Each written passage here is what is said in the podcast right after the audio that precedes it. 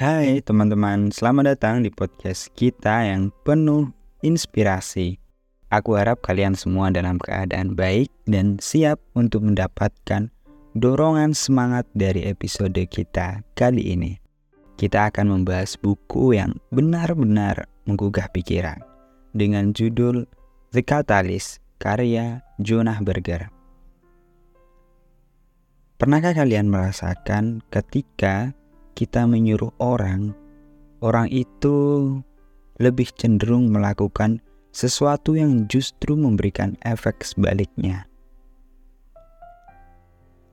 Buku ini membawa kita ke dalam dunia perubahan di mana setiap orang memiliki sesuatu yang ingin mereka ubah. Mungkin kita ingin mengubah pandangan pelanggan, menguncangkan industri, atau bahkan mengubah dunia. Tetapi kita semua tahu perubahan itu sulit. Dan Jonah Berger menawarkan pandangan yang segar dan berbeda.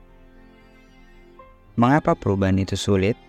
Contoh, karena orang cenderung menilai terlalu tinggi apa yang mereka miliki, apa yang sudah mereka miliki, atau yang sudah mereka lakukan. Nah, Seringkali kita berpikir bahwa untuk merubah sesuatu, kita harus mendorong lebih keras, memberikan lebih banyak informasi, atau bahkan menggunakan taktik yang kadang agak memaksa. Tapi, apa jika ada cara yang lebih baik?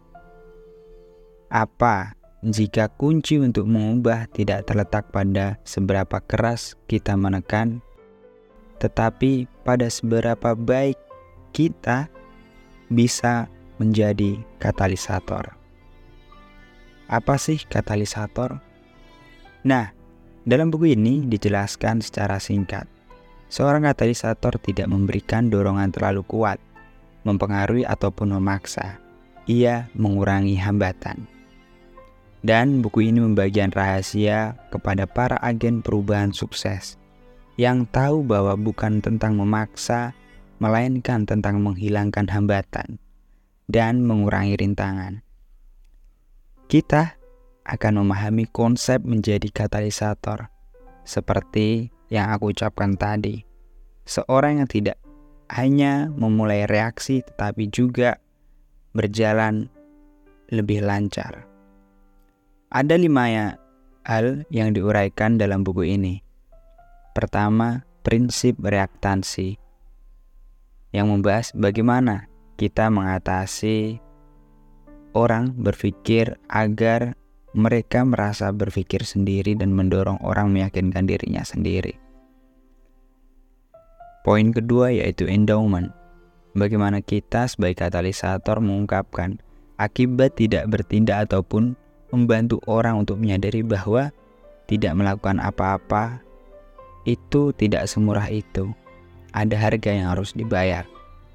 Yang ketiga adalah jarak. Bagaimana menyusutkan jarak, meminta lebih sedikit dan mengganti lapangan agar seseorang itu melangkah berubah sesuai yang kita inginkan. Poin keempat adalah ketidakpastian. Bagaimana merendahkan ini? Mudah dicoba berarti lebih mungkin dibeli. Itulah kata-katanya. Yang terakhir adalah bukti yang menguatkan. Katalisator menemukan bukti yang menguatkan seberapa sumber untuk membantu mengatasi masalah penerjemahan agar terjadi perubahan. Nah, lima hal tadi yang dibahas secara mendalam dalam buku ini dan sangat aplikatif. Sebagai pendengar yang setia, Tukaters, kita semua memiliki peran sebagai agen perubahan dalam kehidupan kita masing-masing. The memberikan kita alat dan wawasan untuk menjadi penggerak perubahan yang lebih efektif tanpa harus menempuh jalan yang sulit. Buku ini dirancang untuk siapa saja yang ingin membuat perbedaan dari pemasar hingga pemimpin sebuah organisasi maupun perusahaan, dari pebisnis hingga pejuang nirlaba yang ingin mengubah dunia. Ini tentang memahami psikologi perubahan dan mengaplikasikannya dengan cerdas dalam setiap aspek kehidupan. Kita perlu pahami bahwa perubahan bisa dimulai dari aktif mendengar yang membawa kita pada nilai pemahaman, kemudian beranjak menjadi kepercaya dan terakhir mendorong perubahan yang selaras dengan seiring waktu yang berjalan. Karena kadang ketika kita acuh terhadap hal itu, bisa saja kebenaran yang kita bawa hanya akan menjadi berita palsu bagi orang lain. Nah, sebelum aku akhiri, ingatlah teman-teman Tukaters, kita semua memiliki kekuatan untuk menjadi katalisator dalam hidup kita dan di sekitar kita tentunya. Mungkin hanya dengan memahami bagaimana menjadi penggerak yang lebih baik, kita bisa mengubah dunia satu langkah pada satu waktu. Pesan penting dari buku ini adalah pertama, pikiran siapa pun bisa dirubah. Yang kedua, bila menyangkut perubahan, ada cara yang lebih baik dengan mengurangi hambatan dan menjadi katalisator. Poin terakhirnya, siapa pun bisa menjadi katalisator. Hal unik yang menurutku sangat menarik dari buku ini yaitu di halaman-halaman terakhirnya mengenai studi kasus yang disampaikan oleh Jonah Berger. Ini tentunya kenapa aku bilang menarik berhubungan dengan isu yang sedang panas yaitu terkait perang di Israel dan Palestina di Gaza. Di dalam halaman terakhir di sini ada studi kasus bagaimana buku ini memberikan cara bagaimana merubah stereotip ataupun persepsi negatif antara orang, entah suku, ras, ataupun yang berkaitan agama politik melalui sebuah grup diskusi, sebuah grup perkemahan yang di situ disebut dengan nama Seed of Peace.